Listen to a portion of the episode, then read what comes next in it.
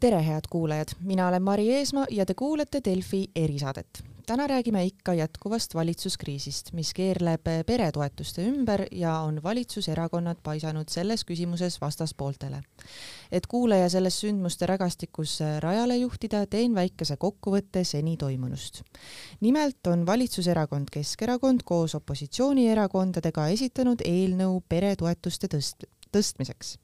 eelnõuga tuldi lagedale vahetult pärast seda, kui valitsus oli vastu võtnud lisaeelarve, kuid Keskerakond leidis, et see ei keskendu piisavalt Eesti oma inimestele, vaid on julgeolekukeskne ja toetab sõjapõgenikke Reformierakond ei taha praegu menetluses olevat eelnõud toetada, vaid tahab rahaasjadele tervikuna peale vaadata sügise hakul, kui hakatakse kokku panema uut riigieelarvet peaminister ja Reformierakonna juht Kaja Kallas on öelnud, et kui eelnõu läheb läbi, astub tema tagasi. et valitsuskriisist paremat sotti saada, olen palunud stuudiosse Eesti Päevalehe ajakirjaniku Kärt Anvelti, tervist! tere!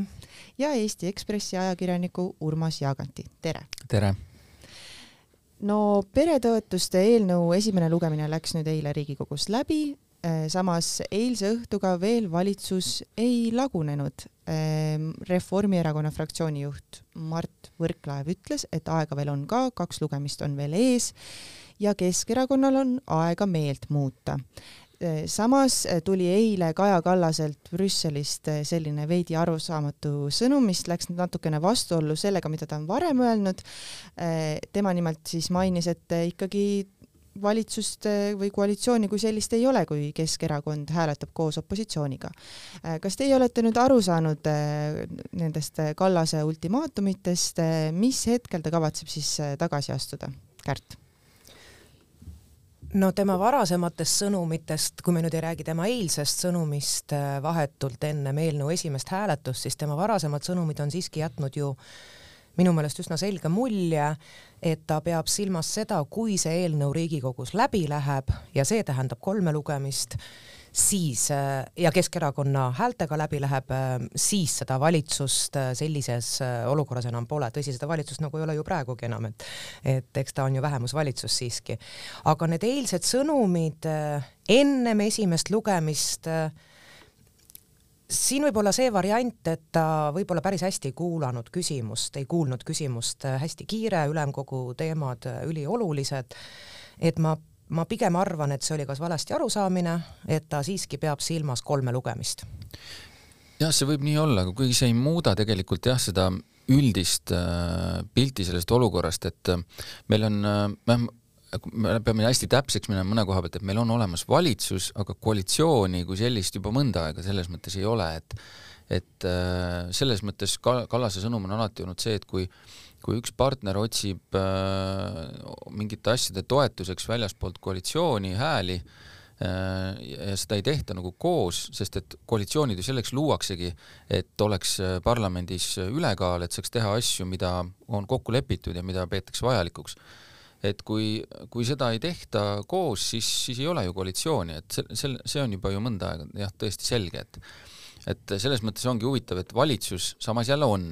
et äh, eile oli ka kaks äh, usaldushääletusega seotud, valitsuse usaldusega seotud eelnõu hääletamist ja seal kenasti Keskerakonna hääled olid. äh, nii-öelda äh, valitsuse usalduse küljes olemas, nii et et meil ongi niisugune olukord, et meil on mingi jupp Keskerakonda, mis ei kuulu koalitsiooni ja siis on üks jupp äh, Keskerakonda, mis kohe kindlasti kuulub valitsusse ja igat moodi rõhutab seda, kuidas valitsus äh, töötab. Ja kui ma inimestega räägin, siis ütlevadki, et ega valitsus töötabki täpselt nii nagu varem, et arutatakse, tehakse asju, kõik toimib, onju, aga aga koalitsiooni ei ole ja tahan kohe siia väga hea, et sa selle teema lauda tõid. et valitsus töötab, tõepoolest töötab ja päris naljakas on tegelikult see, kuidas siis Keskerakonna Riigikogu fraktsioon, keskfraktsioon siis leiab, et valitsuse poolt tulnud eelnõud, need ei ole ikkagi päris okeid. et valitsuses ministrid, Keskerakonna enda ministrid on eelnõu ära koputanud, antud juhul ma pean silmas alushariduse eelnõud, ja siis fraktsioon leiab, et see ikka kõik on läbi arutamata, kõik on tegemata, ehk et sisemised kommunikatsiooniprobleemid on sellel era erakonnal ka päris suured. ja selle, selle sisemise sellise skisofreenia äh, näide on ju seesama lisaeelarve, et et see ju võeti vastu mõlema erakonna toetusega ja nüüd, nüüd siis nagu Mari ka siin alguses ütles, et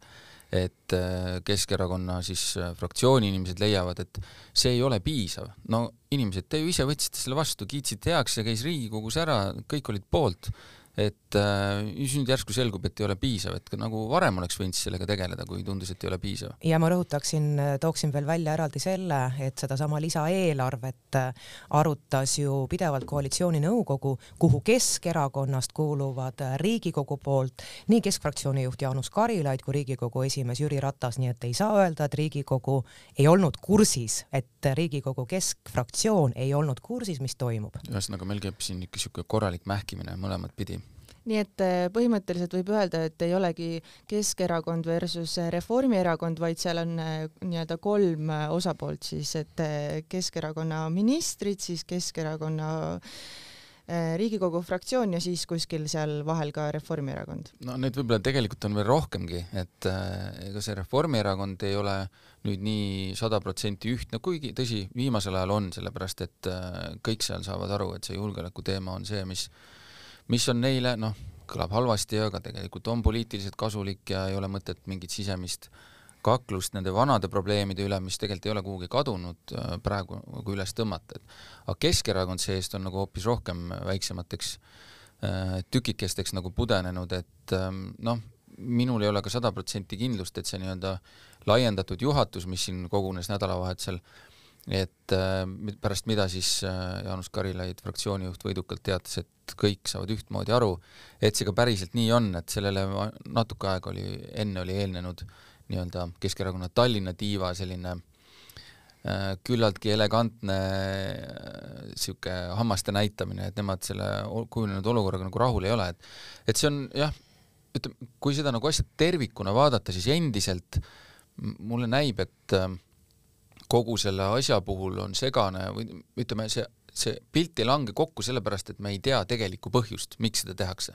et sellepärast näeb see kõik nii naljakas välja, et et äh, Keskerakond nagu on valitsuses, aga nagu ei ole ka, et äh, neil oleks väga lihtne teha nii, nagu Reformierakond soovib, arutada seda asja natuke hiljem, tõenäoliselt saadagi see peretoetuste tõus, aga seda ei saa edasi lükata, miks ei saa, me ei tea, äh, Keskerakond on nagu tükkideks ja omavahel siseliselt, sisemiselt peab seletama, miks midagi tehakse kas seal räägitakse päris kõike, ma ei tea et äh, see nagu jätab sellise mulje, et meil, meil on mingi osa infost on nagu teadmata. ma muidugi olen selles veendunud, et, äh, et äh, peretoetuste sellist tõusu, nagu praegu on siis nelja erakonna eelnõus plaanis, ei oleks võimalik Reformierakonnaga sügisel läbi viia. meil ei ole raha ei saa öelda, et me võtame püsikuludeks laenu, see on minu arvates täiesti absurdne väide nende inimeste poolt, poliitikute poolt, kes ütlevad, et raha on küll, raha pole kuskile kadunud, trükitakse juurde, trükitakse küll, aga püsikulud on jäävad kulud. Nende jaoks raha juurde võtta on minu meelest täiesti absurdne. ehk et siin tuleks tõesti riigieelarve pulkadeks võtta ennem kui mingi selline otsus teha pluss äh, välja on juba mitmeid kordi ju toodud ka see, et äh, meil on veel mitu palju suuremat probleemi, mis on vaja lahendada ja üks neist on omastehooldus äh, üksikvanema toetus. muide, väga huvitav fakt, eile kui ma rääkisin siis keskerakondlastega, mäletatavasti, kui see peretoetuste eelnõu nüüd välja tuli, siis äh, tulid ka kriitilised artiklid just nimelt sellel samal teemal, et üksikvanema toetus on meil praegult üheksateist eurot sentidega. ning siis teatas äh, Keskfraktsiooni juht Jaanus Karilaid mulle, et nad nüüd istuvad siis nelja erakonnaga maha ning tõstavad äh, tõenäoliselt üksikvanema toetuse viiekümne euroni. no edasi on mul taaskord küsimused, et mis analüüsidele see lähtub, siis baseerub, et miks mitte kolmekümne euroni, miks mitte seitsmekümne või saja euroni, miks just nimelt viiekümne kahekümne euroni. ehk et äh, kui vaadates ka seda, kuidas Lastekaitse Liit tegi väga suurt kriitikat sellesama peretoetuste eelnõu osas, viidates, et äh, absoluutselt kõik mõjuanalüüsid on tegemata, siis sama küsimus oleks ka mul selle üksikvanema toetuse kohta, et kui see nüüd kiirustades sisse panna, siis mõjuanalüüse pole ju sealgi tehtud et äh, need on teemad, perepoliitika on teema, mis vajab kompleksset lähenemist ja seda antud juhul paraku pole tehtud, on mindud välja poliitiliste loosungite peale, et valimiste eel oma valijate hääli saada. no vot, aga nüüd ongi küsimus, et äh, mis nüüd siis edasi saab ja kas teie usute, et mingisugune kompromiss seal on võimalik ja milline roll selle probleemi lahendamisel peaks olema Kaja Kallasel, tema on siiski ju valitsusjuht, see on põhimõtteliselt tema vastutus hoida seda valitsust koos, mida tema peaks tegema? vot ongi keeruline öelda, eks, eks nad ise ka mõtlevad seal, mida nad peaksid nagu tegema, et äh, jah, ütleme üldiselt kipub nii olema, et nende viimase kahe valitsusega, mis me oleme harjunud siin, kõik ajakirjanikud said eelmises valitsuses, valitsusega väga tugeva koolituse, et kuidas kriisid kogu aeg nagu tulevad lainetena ja siis nad ikkagi nagu saavad mingisuguse nii-öelda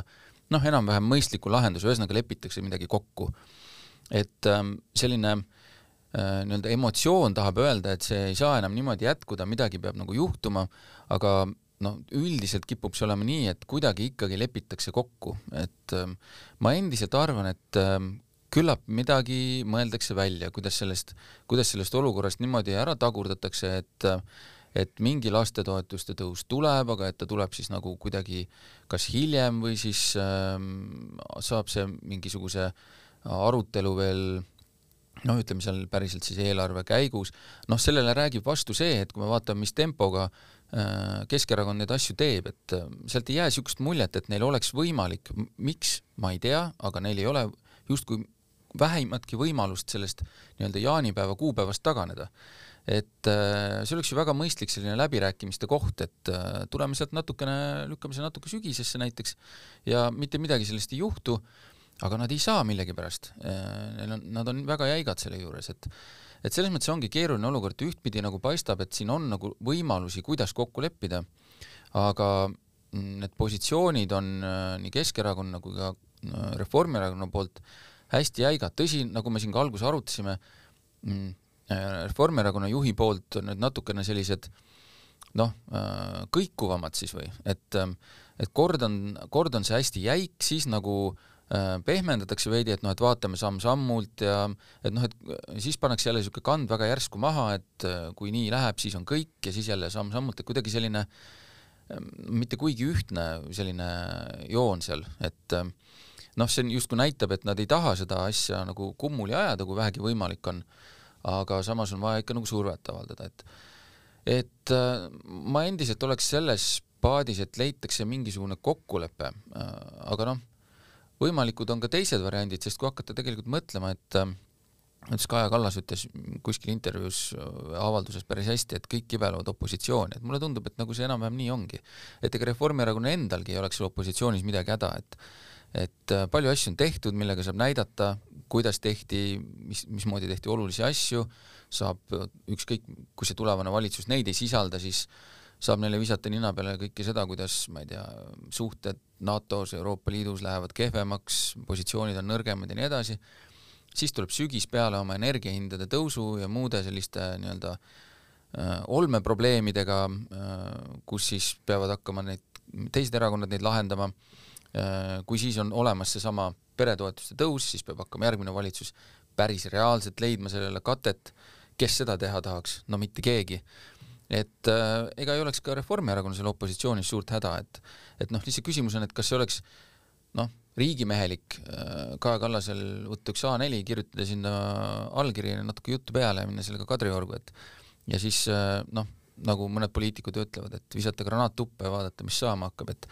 et äh, täpselt sedasi ta saaks teha, aga noh, kas see oleks nii-öelda peaministri ja peaministri erakonna poolt selline riigimehelik käitumine, võib-olla ei oleks aga ikkagi, mis sammud siis praegu Kaja Kallasel on? ma ei vastanudki mitte midagi. Ma, ma üritan siis vastata. Sa oled juba ümmargune poliitik. Lähed teemast kõrvale. ma üritan siis vastata ja sisse tuua paar võimalust,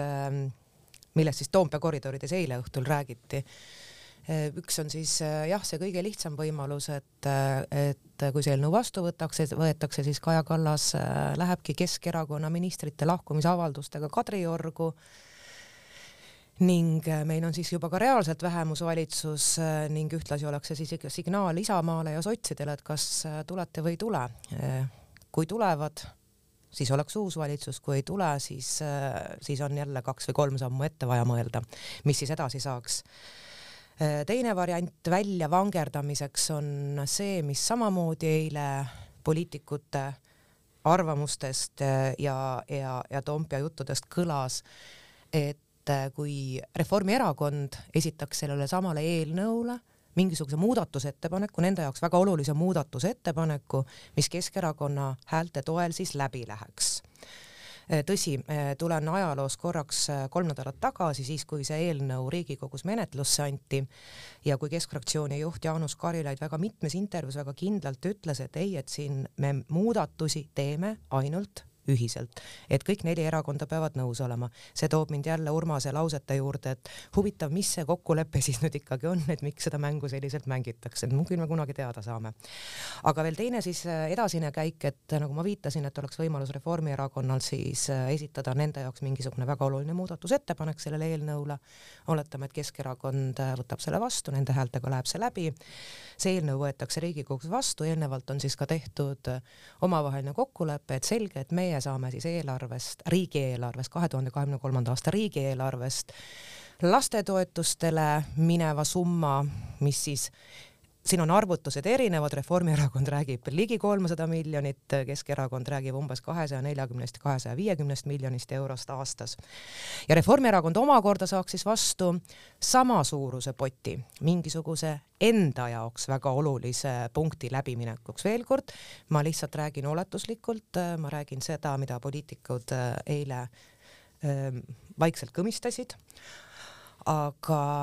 hakkame siis kokku lööma, et äh, näiteks kakssada viiskümmend ja kakssada viiskümmend miljonit mõlemalt erakonnalt, see on viissada miljonit ja ma arvan, et äh, riigi rahandusspetsialistidel on juuksed püsti ja närvid läbi, kuuldes juba sellist äh, lauset. jah, ega mis sellele lisada, et ega need need nagu siuksed tõenäolisemad variandid on, eks noh, lõpuni mina ei välistaks ikkagi ka seda, et et kogu see nii-öelda stress, mis on püsti pandud, et selle nii-öelda taga on ikkagi tegelikult olemas mingi sihuke noh, ärme siis ütle kokkulepe või läbirääkimised või midagi muud sellist, aga ütleme, et on selline äh, üksteise mõistmine, nagu vaata, öeldakse dokumentide kohta, et äh, nagu üksteise mõistmise protokoll või memorandum, eks ole, et et on mingi selline ühine arusaamine eelmise koalitsiooni liikmetel, et äh, kui see asi peaks uppi minema, siis esimesed kõned teeme üksteisele või midagi sellist, eks. et äh, kas see siis tähendab nagu kahte silmapilgutust, mis on omavahel vahetatud või või mingit käemärki, noh, mis iganes äh, see võib siis olla, et ei, et saab ajakirjanduses vabalt öelda, et mingeid kõnelusi pole peetud et ähm, ka see variant on iseenesest olemas, et see, et noh, kui, kui seda asjade dünaamikat vaadata, siis see näib olevat see, et äh, Reformierakond kas A annaks äh, teistele seda, mis nemad soovivad, äh, ja siis jätkaks müts peos selles valitsuses täielikult nii-öelda laiaks lööduna, või siis tagurdaks ise välja omaenda valitsusest,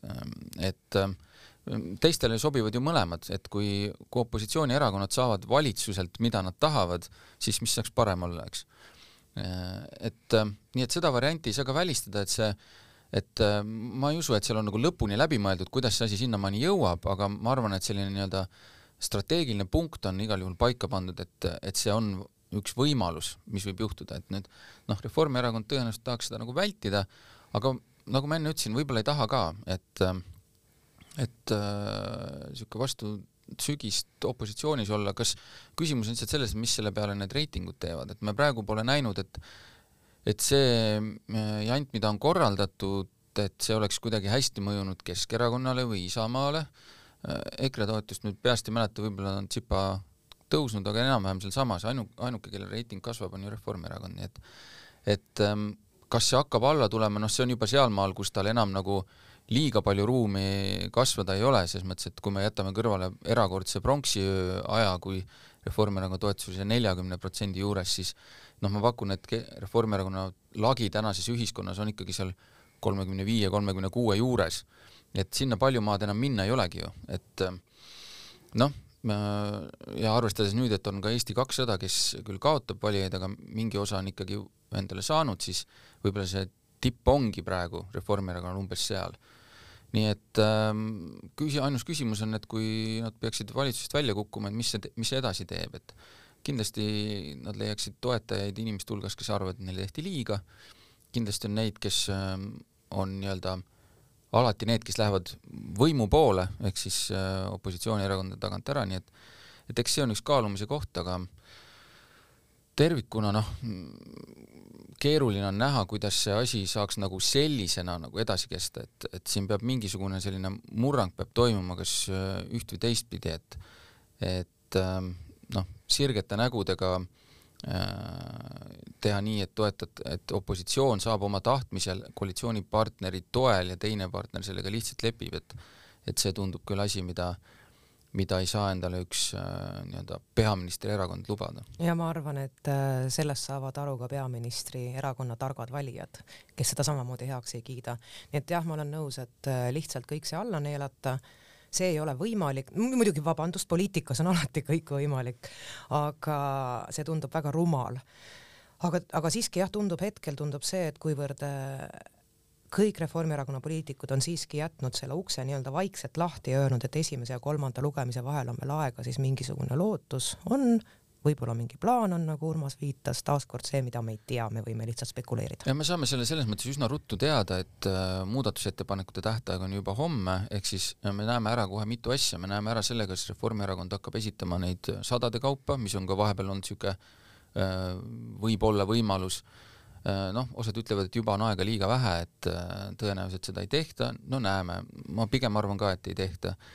aga siis on küsimus, et mis nendesse muudatusettepanekutesse siis homseks tekib, et kas tekib mingi niisugune asi, mida Kärt siin esitas, et äh, mingi, mingi väga kallis ja magus asi Reformierakonna jaoks, selle me näeme ära tõenäoliselt siis juba homme. Ja siis ongi, sealt saab edasi vaadata järgmiseid asju, et, et ähm, kui on, kui pandud paika, ma ei mäleta, kas juba on paigas ka, millal on teine lugemine, see kuupäev? järgmisel nädalal, aga nüüd kuupäev on mu jaoks äh, lahtine, jah. jah, et äh, ka see, et kas, kas tekib mingi olukord, kus seda kuupäeva nagu ei hakka ilmuma järsku, et äh, mis, mis ju viitaks, et asi hakkab riiulisse liikuma vaikselt sinna tolmunud kaustade vahele, et need asjad on sellised asjad, mida tuleb nagu jälgida, et kui, kui et asjad saavad kõik nagu sellised faktid külge, konkreetsed sammud, siis, siis on selge, et äh, Keskerakond siin grammigi järgi ei anna ja siis on juba uued olukorrad. sest kuueteistkümnendaks juuniks peaks eelnõu olema siis vastu võetud, eks ole, sest jaanipäeva nädal on juba see, kui Riigikogu läheb suvepuhkusele. saab teha ka täiendavaid istungeid ja erakorralisi ja muid selliseid, et, et see iseenesest ei ole takistus, aga ega keegi muidugi hästi ei vaata sellele, kui nende äh, suvepuhkust rikutakse. grillihooaja algus edasi lükkub, jah ja võib-olla valijad tahavad ka puhkust sellest eh, kemplusest saada. aga tahtsin teilt eh, kui siis eh, kogenud kolleegidelt küsida hoopis niimoodi, et tegelikult sellist ultimaatumite esitamist selle valitsuse ajal, see ei ole praegu esimene kord, et me nägime seda ka energiatoetuste hindadega, siis samamoodi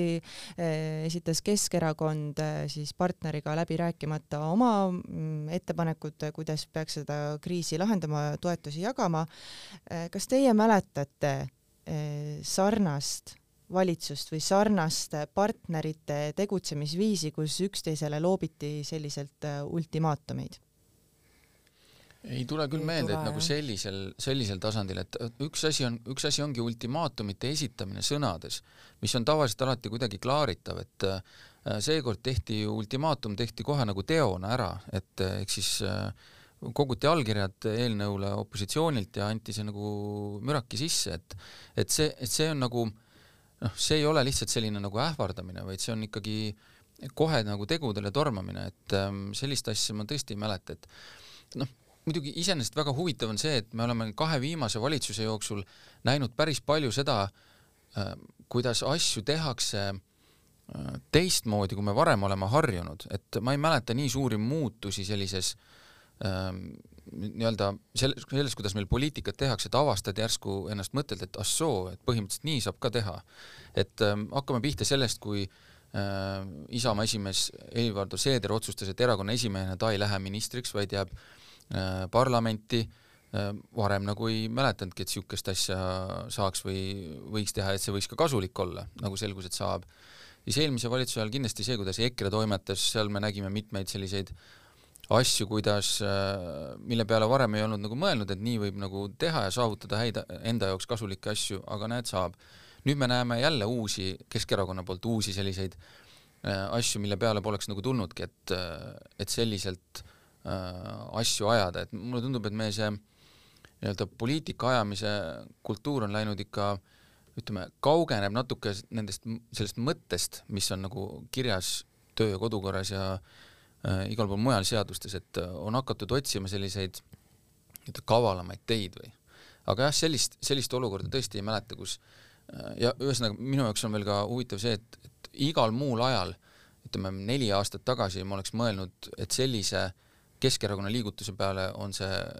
on see valitsus kolme tunni pärast lõhki aga näed, ei ole et äh, saab igasuguseid asju teha ja saab, äh, saab kuidagi hoida seda, ma ei tea, siis joont nagu paigal, et, et äh, neid asju proovida klaarida või siis leida mingeid, jälle mingeid loomingulisi lahendusi, et et tõesti, mina jah ei mäleta, Kärdil on muidugi pikem mälu selle koha pealt. ja aitäh, et sa mu vanuse meelde tuletasid. aga palun aga ei, kriise on olnud, aga selli- ja väga palju on olnud, et äh, minu see poliitiline mälu ajakirjanikuna algab üheksakümne neljandast aastast, aga aga midagi sellist ei meenu jah, küll, mida ma veel tahaksin öelda, ma väga sooviksin, et ikkagi peaminister Kaja Kallas tegeleks ka Eesti sisepoliitika, Eesti riigi juhtimisega. et ta on välismaiselt suurepärane äh, kaitse- ja välisjulge- ja julgeolekupoliitika teemadel, aga aga ma siin küll ütlen, et Keskerakonna see kriitika, et peaminister võiks siiski tegeleda rohkem ka siseasjadega, on õigustatud ja, ja antud eelnõu puhul pean ma siiski silmas seda, et kui möödunud nädalal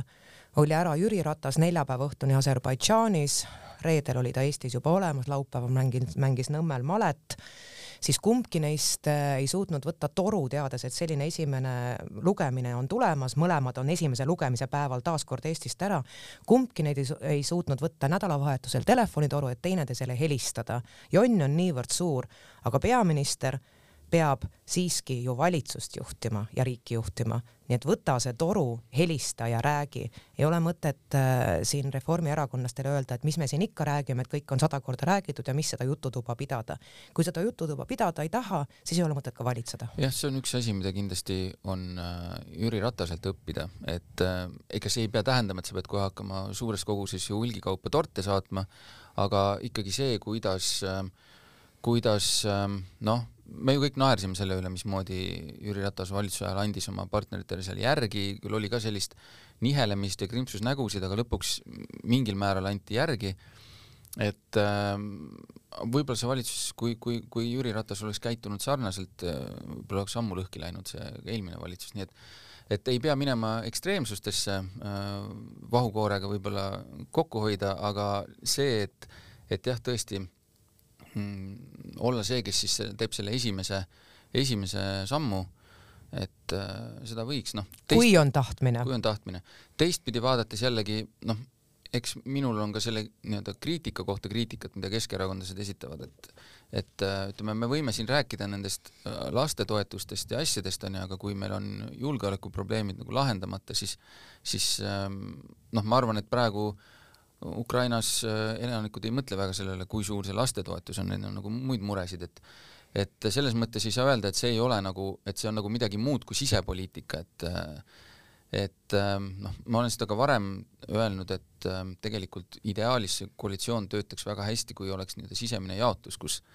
kus omavahel kokkulepitult äh, peaminister tegeleb võib-olla rohkem välis- ja julgeolekupoliitiliste teemadega, ja sellega sünkroonis äh, näiteks Keskerakonna esimees, kes on väga tugev sellises sisepoliitilises valdkonnas, tegeleb rohkem sellega ja arutada neid sõnumeid, vaadata, et need sõnumid omavahel klapiksid, selgitada välisasju seespool, sisemisi asju väljaspool,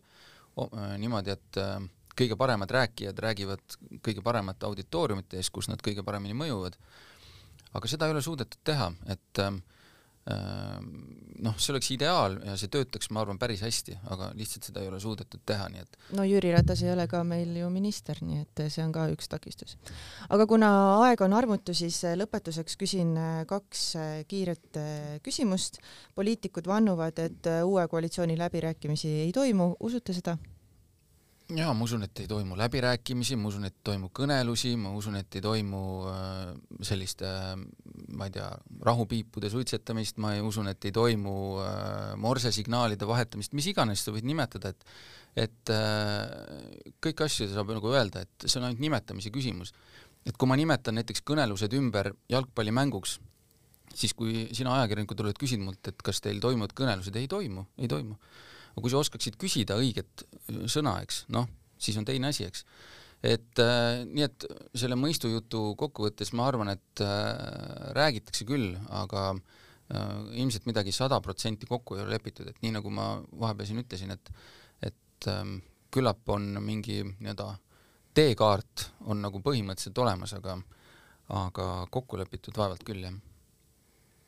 Kärt on nõus? ma olen nõus, absoluutselt, jah. Ja viimane küsimus, kas jaanipäevaks on meil uus valitsus? nagu vastan Jaanus Karilaiu sõnadega, järgmised viis kuni seitse päeva näitavad. jah, ma arvan, et näitavad, mul, ma praegu pigem arvaksin, et äh, äkki ikkagi ei ole, et Äh, kui, kui on, siis on väga tõsised küsimused selle osas, et mis ikkagi on see, mis Keskerakonda äh, noh, drive ib nii-öelda hea küll, eks siis elame ja näeme, head kuulajad, selline sai tänane Delfi erisaade, stuudios olid Kärt Anvelt, Urmas Jaagant ja mina, saatejuht Mari Eesmaa, aitäh, et kuulasite ja kuulmiseni